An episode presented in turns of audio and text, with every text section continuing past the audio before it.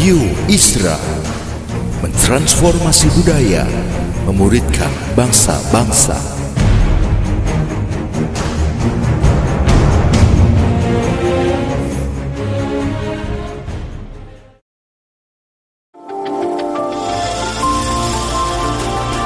Voice of Pradaim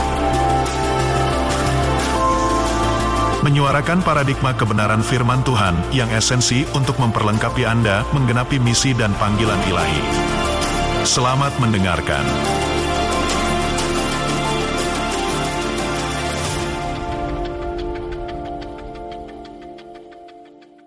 Selamat hari Minggu, saudara. Ya, selamat hari Minggu. Nah, hari ini apa yang harus kita jalani? Kita bagaimana kita menjalani hidup kekristenan kita? Apakah duduk tunggu-tunggu Yesus datang atau bagaimana?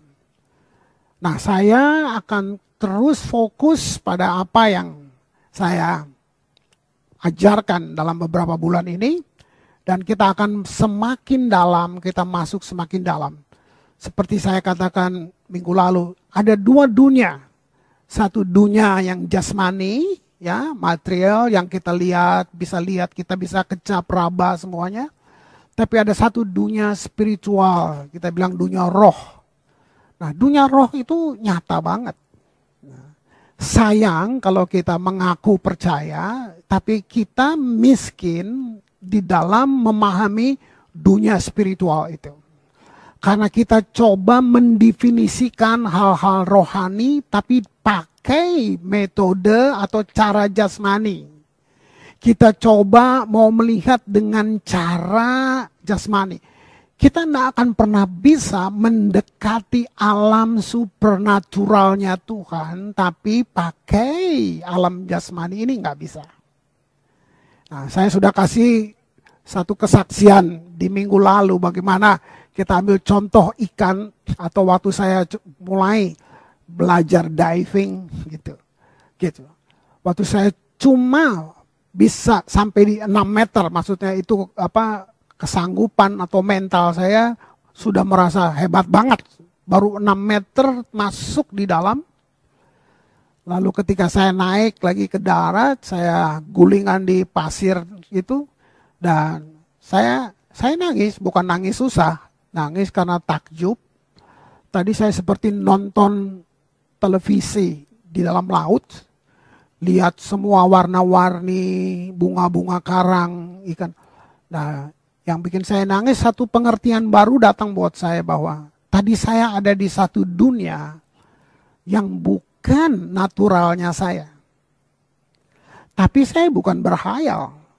Jadi saya ngobrol di sambil tiduran di pas itu saya ngobrol, saya bicara seperti Tuhan itu nyata ya. Tadi saya di dunia yang itu bukan naturalnya saya.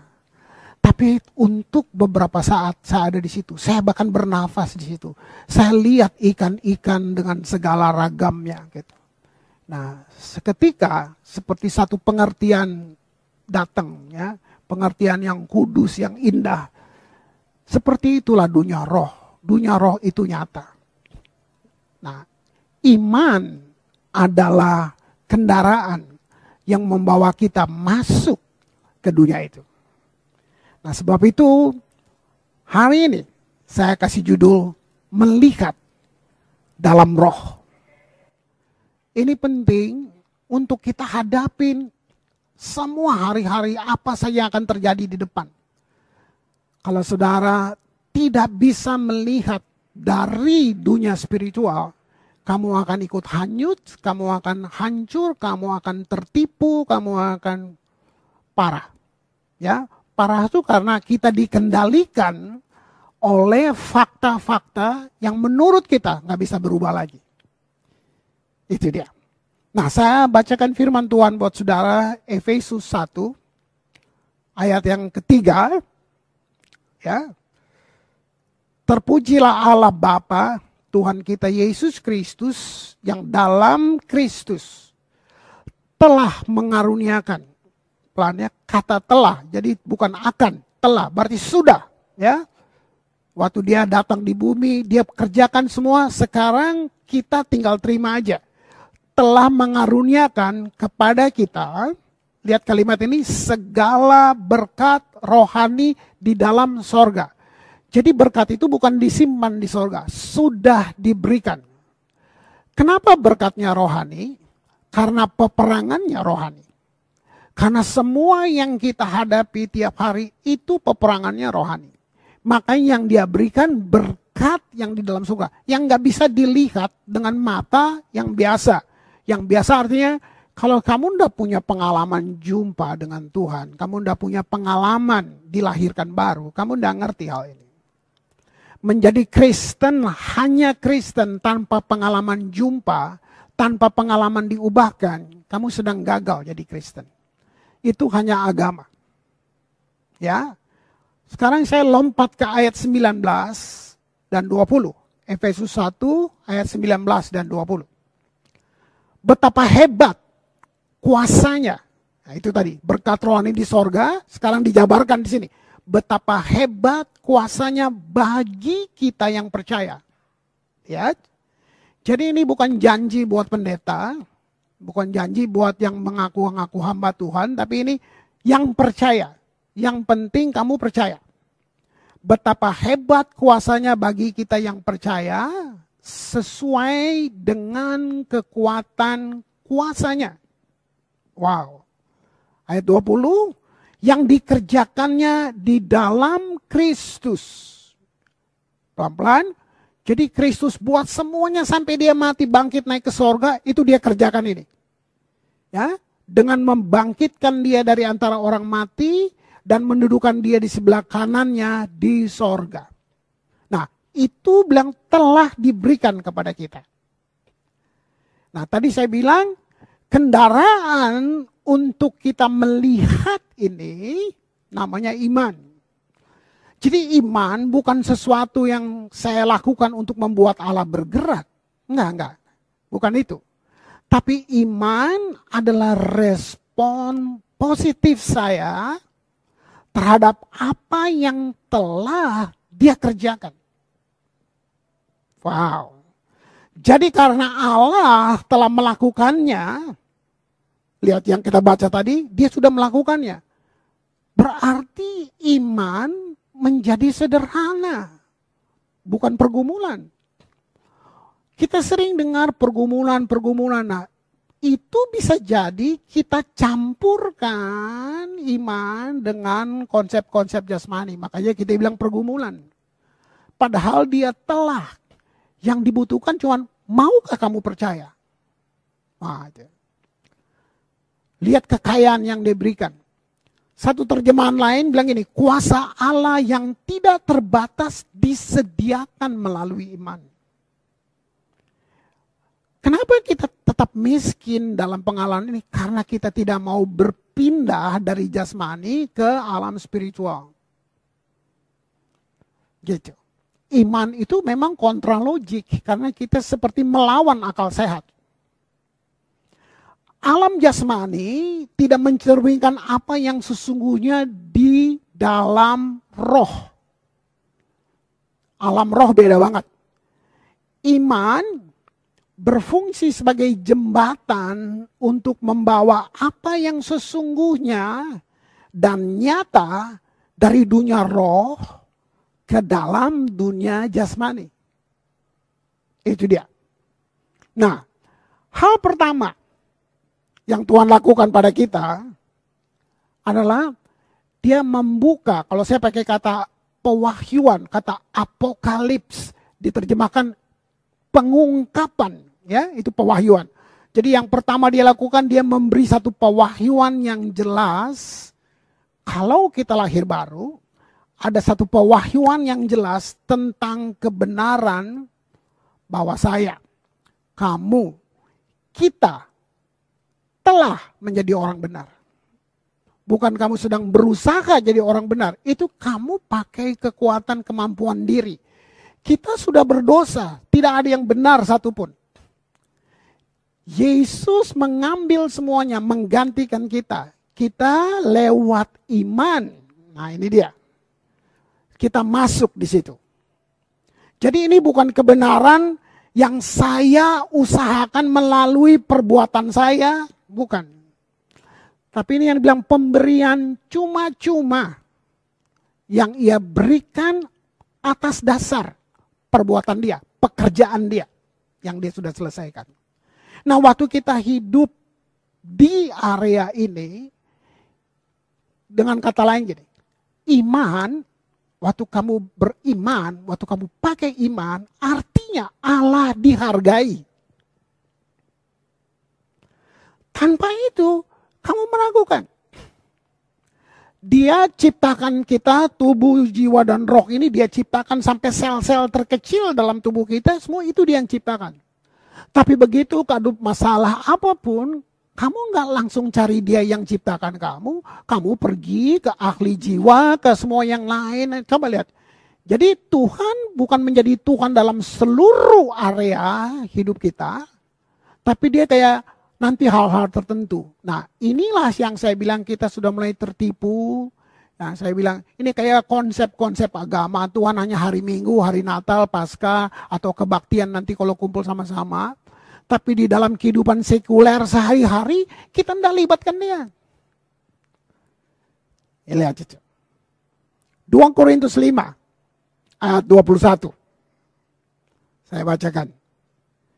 Dia yang tidak mengenal dosa, dia itu siapa? Yesus tadi yang tidak mengenal dosa, dibuatnya menjadi dosa karena kita. Wow. Kiranya rohmu bisa mendengar ini. Supaya dalam dia kita dibenarkan oleh Allah. Gak ada unsur lain di sini, semuanya dari dia. Gitu. Jadi itu tidak datang dari hidup saya yang kudus, melakukan apa pun yang benar. Kudus standar saya tetap cacat. Kebenaran pakai standar saya tetap saya enggak Ya saya bilang seperti kain lara. Kebaikan, kesalehan manusia seperti kain lara di mata Tuhan. Apa kain lara? Kain yang dipakai untuk membersihkan kusta. Lihat itu. Itu kebenaran, kekudusan standar kita. Jadi ketika saya dilahirkan kembali, Yesus Kristus sendiri menjadi kebenaran saya. Itu dia. Nah, ayat menjelaskan ayat ya. Saya baca 1 Korintus 1 ayat 30. Tetapi oleh dia, oleh Yesus, kamu ya berada dalam Kristus Yesus yang oleh Allah telah menjadi hikmat bagi kita. Ia membenarkan dan menguduskan dan menebus kita. Wow. Lihat. Luar biasa. Jadi di sini kalau saya mau jabarin lagi, Yesus mati bagi saya betul. Belum 100% tapi. Ini yang paling paling dahsyat. Yesus mati sebagai saya. Ya, Yesus mati sebagai saya supaya saya yang tidak mengenal kebenaran dapat menjadi kebenaran Allah melalui kesatuan saya dengan Yesus. Satu pewahyuan itu dibukakan ketika belajar di kelas bahwa ketika Alkitab menyebut saya benar, saya dibukakan sesuatu bahwa itu bukan dari manusia saya, yang mendapatkan hidup saya, bukan. Waktu Alkitab bilang saya benar. Tapi itu dari Allah saat saya di persatuan dengan Yesus, dia yang diurapi, gitu. Jadi roh saya yang lahir baru itu sempurna waktu itu. Fisik, ya tubuh saya tidak seketika, jiwa saya tidak seketika.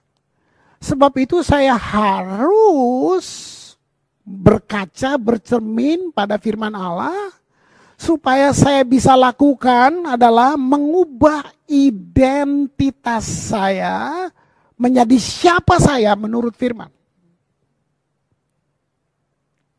Wow. Nah, firman Allah ngerti dulu ini. Firman Allah adalah satu-satunya perwakilan dunia roh. Jadi tidak bisa pakai pendekatan lain. Firman Allah adalah satu-satunya perwakilan dunia roh yang paling diandalkan dan akurat. Ya. Kenapa berapa orang bergumul, termasuk saya juga. Saya nggak luput. Kita punya perjalanan naik dan turun. Nah, itu semua pembelajaran kan? Gitu. Kenapa kita bergumul untuk mengerti firman Allah? Karena kita berusaha melihatnya dalam alam jasmani. Apa yang dikatakan Alkitab di dalam roh kita. Alkitab katakan di dalam roh kita, tapi kita melihatnya dalam alam jasmani. Kalau saudara dengar firman, baca firman hanya pakai otak, saudara jadi tahu. Terus pakai otak, jadi sok tahu. Tapi kalau saudara mulai pakai hati, kamu jadi percaya. Ini bedanya. Lihat itu. Jadi, lihat apa yang saya mesti lakukan. Itu dia mengubah identitas saya, ya, saya mesti ubah itu sesuai apa yang firman katakan. Wow. Galatia 5, 16. Maksudku, nah, Paulus katakan, maksudku ialah hiduplah oleh roh. Nah, ini, saudara. Nah, kata roh ini jangan disalah tafsir ya. Ini yang saya bilang dunia spiritual. Hiduplah oleh roh, maka kamu tidak akan menuruti keinginan daging. Jadi hidup dari jati diri kita di dalam Kristus itu yang dibilang hidup oleh roh. Hidup dari jati diri kita di dalam Kristus itu yang disebut firman Allah hidup oleh roh hidup dengan satu kuasa yang dinamis. Yakobus 1 ayat 22 Lihat, hendaklah kamu menjadi pelaku firman dan bukan hanya pendengar saja. Pelan-pelan, bagaimana pelaku firman itu untuk ke apa? Praktiknya bagaimana? Mempraktekkan firman yang bilang siapa kamu. Lakukan, jalani hidupmu seperti yang firman katakan, kamu siapa? Itu dia. 23, sebab jika tidak demikian, kamu menipu diri sendiri. Sebab jika seorang hanya mendengar firman saja dan tidak melakukannya, ia adalah ya seumpama seorang yang mengamat-amati mukanya yang sebenarnya di depan cermin Nah, ya. Baru saja ia memandang dirinya, ia sudah pergi atau ia segera lupa bagaimana rupanya. Tapi barang siapa meneliti hukum yang sempurna, yaitu hukum yang memerdekakan orang, ia bertekun di dalamnya. Jadi bukan hanya mendengar untuk melupakannya, tapi sungguh-sungguh melakukannya. Ia akan berbahagia oleh perbuatannya. Ada cermin di samping saya, saya mau lihat ke cermin. Ya, ini dia. Saya melihat di cermin. Nah, cermin ini adalah firman Allah. Waktu saya lihat, dia mengatakan siapa saya. Nah, waktu saya lihat ini, ada peperangan. Peperangan karena saya masih hidup dengan jiwa dan tubuh saya jiwa dan tubuh saya dalam keterbatasannya panca indera itu tadi, dia akan lihat semuanya yang masuk akal. Kamu gini, kamu semakin tua, kamu gendut, kamu mulai begini, kamu begini, orang gini, gini. semuanya. Tuh, kacamata kamu begini, begini, semua yang yang hanya bisa semasuk akal dia. Tapi sebenarnya cermin itu sedang bilang gini, kamu anak Allah, kamu dijadikan anaknya kamu sempurna. Segala janjinya ada di dalammu. Nah, saya mau percaya apa yang jiwa saya bilang Atau saya mau percaya apa yang cermin ini mengatakan tentang saya. Tadi Yakobus bilang gini, kita baru lihat terus kita pergi.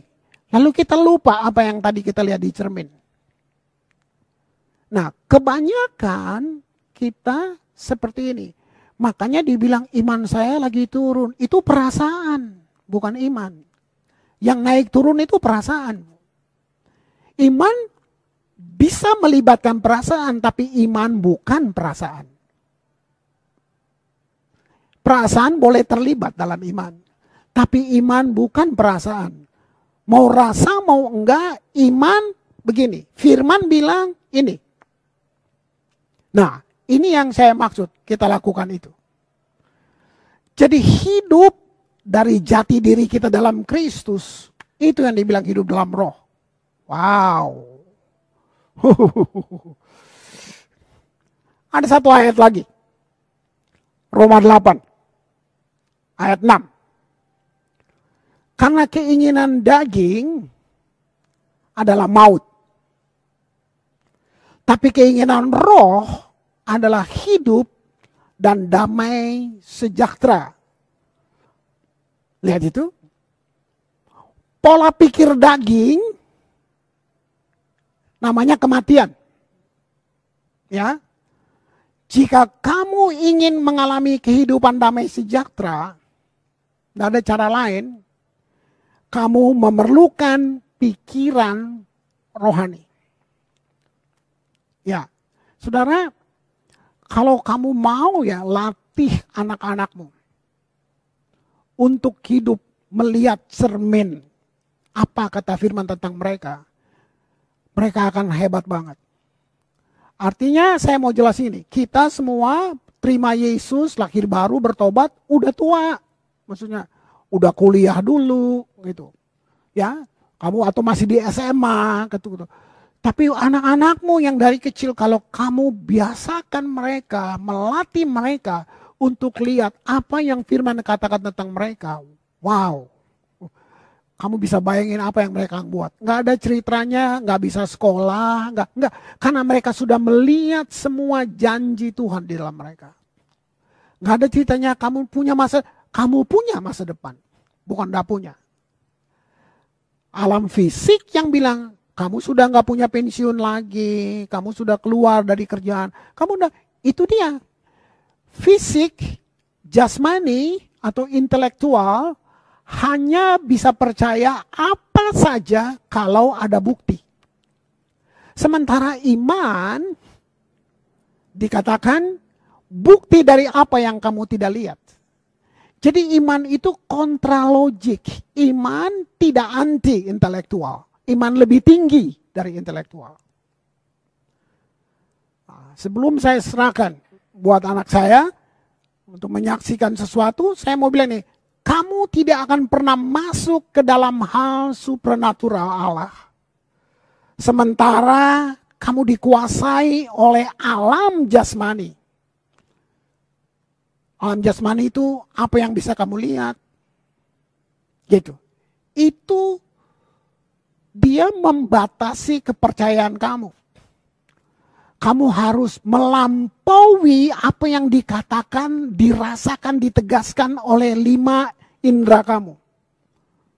Kalau kamu belum di situ, itu artinya kamu sedang berpikir secara daging.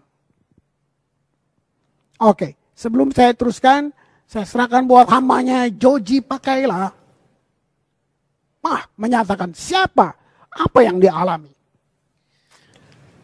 Bapak Ibu dikasih dalam Tuhan Yesus, uh, Alkitab bilang begini, kita hidup hidup dalam kerajaan yang tidak tergoncangkan. Nah, kita perlu perhatikan bahwa ini keadaan saya yang sebenarnya. Nah, satu kali Paulus menasehati jemaat di Efesus dalam Efesus 4 mulai dari ayat yang ke-20. Dibilang begini, "Tetapi kamu bukan demikian.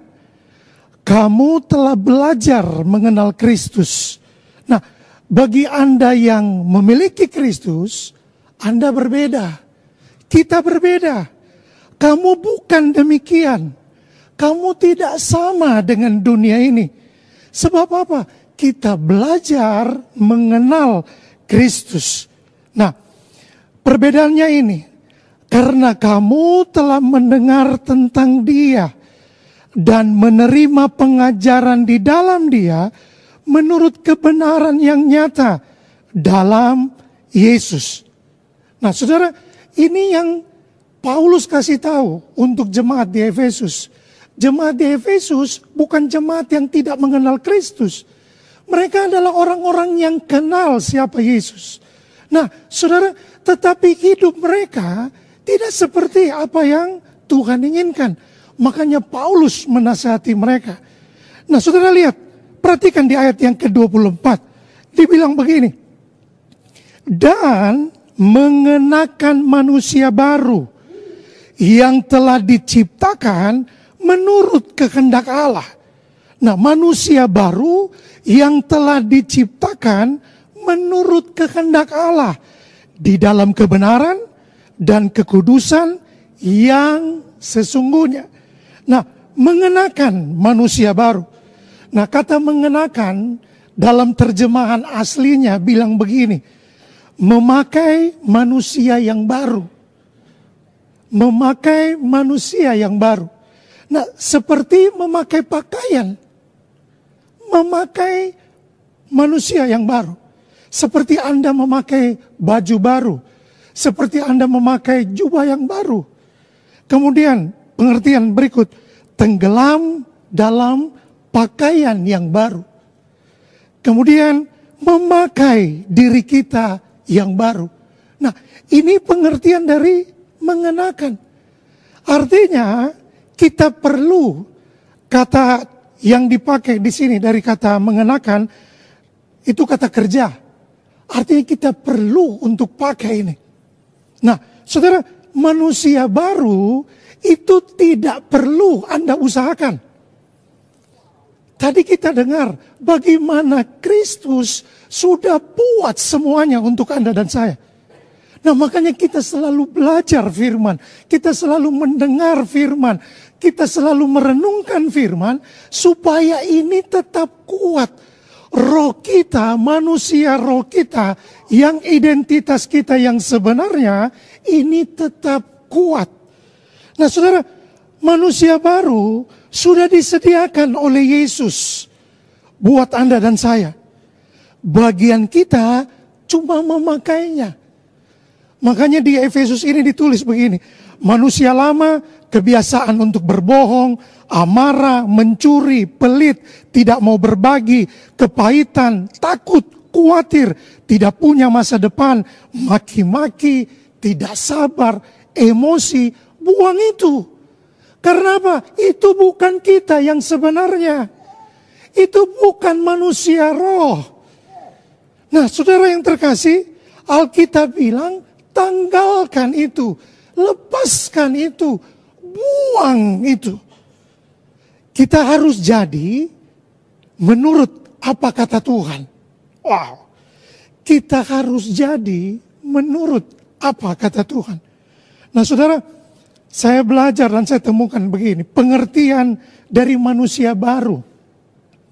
Artinya begini, kamu adalah ciptaan yang baru satu bentuk yang terhormat yang Tuhan buat untuk kita. Pribadi yang fresh, benar-benar baru. Bentuk yang luar biasa. Ini yang Tuhan jadikan. Waktu kita percaya Yesus, waktu kita terima dia, waktu kita izinkan roh kudus berkuasa penuh dalam seluruh eksistensi hidup kita. Saudara, manusia baru yang diberikan oleh Yesus buat kita itu gratis. Dan dia bayar harganya sampai mati di kayu salib. Bagian kita percaya dan pakai ini. Saudara, kita dalam realita hidup di dunia ini, sering kali kita mendengar kata ini. Takut itu wajar Takut itu sangat manusiawi. Nah saudara, apalagi di zaman sekarang ini, di situasi pandemi ini, semua orang akan bilang bahwa takut. Sangat ketakutan. Takut nanti terinfeksi, takut mati, ketakutan di PHK, ketakutan tidak terima gaji, tidak punya masa depan, bagaimana anak-anak, sekolah mereka bagaimana, hidup kita pun juga bagaimana. Tapi sering kali kita masuk dan berlindung di balik kata ini. Takut itu wajar. Takut itu sangat manusiawi. Tapi saudara, mari lihat apa yang Tuhan sediakan untuk Anda dan saya. Apa kata Tuhan untuk kita sebagai manusia roh? Dalam 2 Timotius 1 ayat 7. Tuhan tidak memberikan kepada saya roh ketakutan. Melainkan roh yang membangkitkan kekuatan. Nah saudara, ini jati diri kita Saudara bilang takut, saya pun juga bisa takut. Saya punya istri dan tiga orang anak. Kalau mau lihat situasi, saya pun juga bisa terisap. Saudara, tapi Alkitab mencatat ada 365 kali kalimat jangan takut dengan segala macam situasi, dengan segala macam keadaan. Artinya 365 hari Tuhan mau kita jangan hidup di dalam itu. Dia menginginkan untuk kita hidup sebagai orang-orang yang memiliki kemenangan. Sebab dia sudah berikan itu untuk kita. Nah saudara, ini yang kita harus pakai. Ini yang saya harus lihat apa yang Tuhan buat. Apa yang Tuhan janjikan untuk saya. Saudara, dia bilang, roh yang di dalam saya lebih besar daripada roh yang ada di dalam dunia ini. 1 Yohanes 4 ayat 4. Saudara, saya harus memandang ini, saya harus melihat ini, dan saya pakai ini. Supaya apa? Saya jangan terisap dengan segala situasi. Sebab saya manusia roh. Tuhan sudah bilang, saya punya manusia baru. Saudara, ayo, mari kita latih. Seminggu ini, mari pakai apa yang Tuhan bilang untuk kita. Mari, saudara, Tuhan bilang, tubuh ini bait Allah. 1 Korintus 3 ayat 16. Tubuh kita ini bait Allah. Nah, ayo kita lihat, ayo kita pakai ini. Saya juga waktu saya jalan, saya di rumah, kan beritanya di rumah saja virus boleh datang. Tapi sebagai orang yang percaya saya adalah manusia roh, saya sudah dimerdekakan dalam Kristus, saya tetap pegang janji Tuhan. Tubuh ini bukan sarang penyakit. Roh Tuhan yang diam di dalamnya. Intimidasi datang. Hmm, nanti lihat. No, saya tetap harus percaya bahwa saya manusia baru. Saya dan seisi rumah saya adalah manusia baru. Saya dan seisi kota saya tetap diselamatkan oleh Tuhan. Nah saudara, Anda dan saya kita perlu melatih diri kita di dalam segala situasi dengan melihat apa yang Tuhan sediakan bagi kita. Nah saudara, banyak tatanan baru yang terjadi di dalam dunia ini. Hal-hal yang baru terjadi dan kita harus beradaptasi. Tapi ada satu kepastian yang Tuhan sudah berikan buat kita. Nah saudara, gereja yang telah ditebus oleh darah Yesus. Ingat, Anda hidup di dalam kerajaan yang tidak tergoncangkan. Orang yang beriman, jangan pikirkan apa yang Anda tidak mau terjadi. Tetapi mari pikirkan, apa kata Tuhan yang harus terjadi di dalam hari-hari hidup kita. Saudara, Yesus bilang kan, dalam Yohanes 16 ayat 7. Namun benar yang kukatakan kepadamu adalah lebih berguna bagi kamu jika Yesus pergi.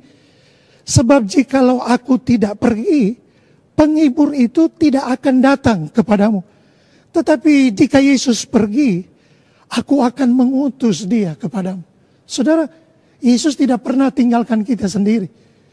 Yesus tidak pernah tinggalkan Anda bergumul sendiri. Yesus tidak pernah lepas tangan waktu Anda kecut dan tawar hati. Yesus tidak pernah tinggalkan Anda sendiri. Dia kirim roh kudus. Nah roh itu yang hidup di dalam kita. Roh itu yang membantu kita selalu. Memberi solusi dalam segala keadaan kita. Dia Tuhan yang hebat. Dan dia menjanjikan untuk kita.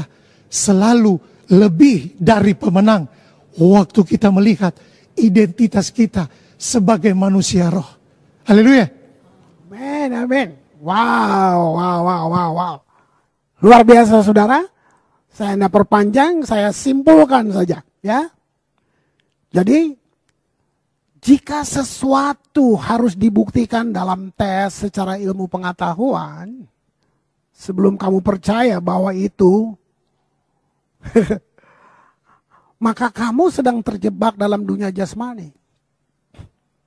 Ya, kalau makanya tadi saya bilang, kalau semua butuh pembuktian-pembuktian gitu. Kenapa? Allah adalah roh. Jadi ia bergerak dalam alam roh. Untuk kita dapat mengalir bersama dengan Allah dalam hal yang supranatural, menikmati hidup damai sejahtera, kamu harus memiliki pikiran rohani dunia roh itu nyata. Saya tutup dengan satu kisah klasik di perjanjian lama. Kenapa ini menarik saya? Karena perjanjian lama belum ada realita roh kudus turun di dalam manusia. Artinya realitanya masih di luar. Kita sekarang roh kudus di dalam kita.